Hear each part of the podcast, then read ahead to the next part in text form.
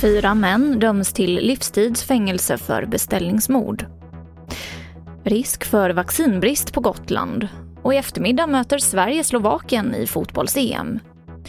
TV4-nyheterna börjar med att idag föll domen mot sex män efter beställningsdåden i Norrköping där tre män dog och ytterligare en skadades. Fyra av männen döms till livstidsfängelse och två till 16 års fängelse. Så till Gotland där det kan bli problem i sommar på grund av minskade vaccinleveranser.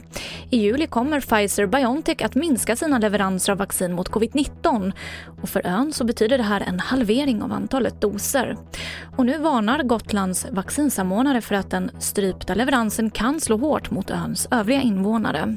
Samtidigt som det också väntas komma många besökare som vill boka en andra dos vaccin under semestern. SMHI har nu gått ut med en klass 1-varning i flera län och varnar för temperaturer på över plus 30 grader. Varningen gäller bland annat i delar av Jönköpings län, Sörmlands län, Kronobergs län, Kalmar län utom Öland och även Skåne län utom Österlen. Och till sist till fotbolls-EM. För i eftermiddag så spelar Sverige mot Slovakien. Och det här på samma arena som i åttondelsfinalen mot Schweiz i VM för tre år sedan.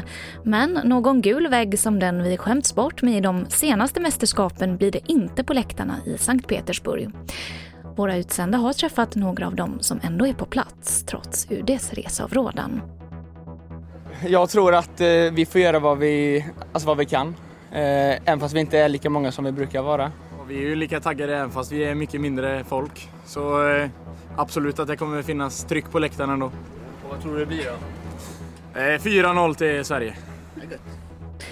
Och här hörde vi Oliver Jörloff och Ville Gustafsson. Och det var det senaste från TV4 Nyheterna. Jag heter Emily Olsson.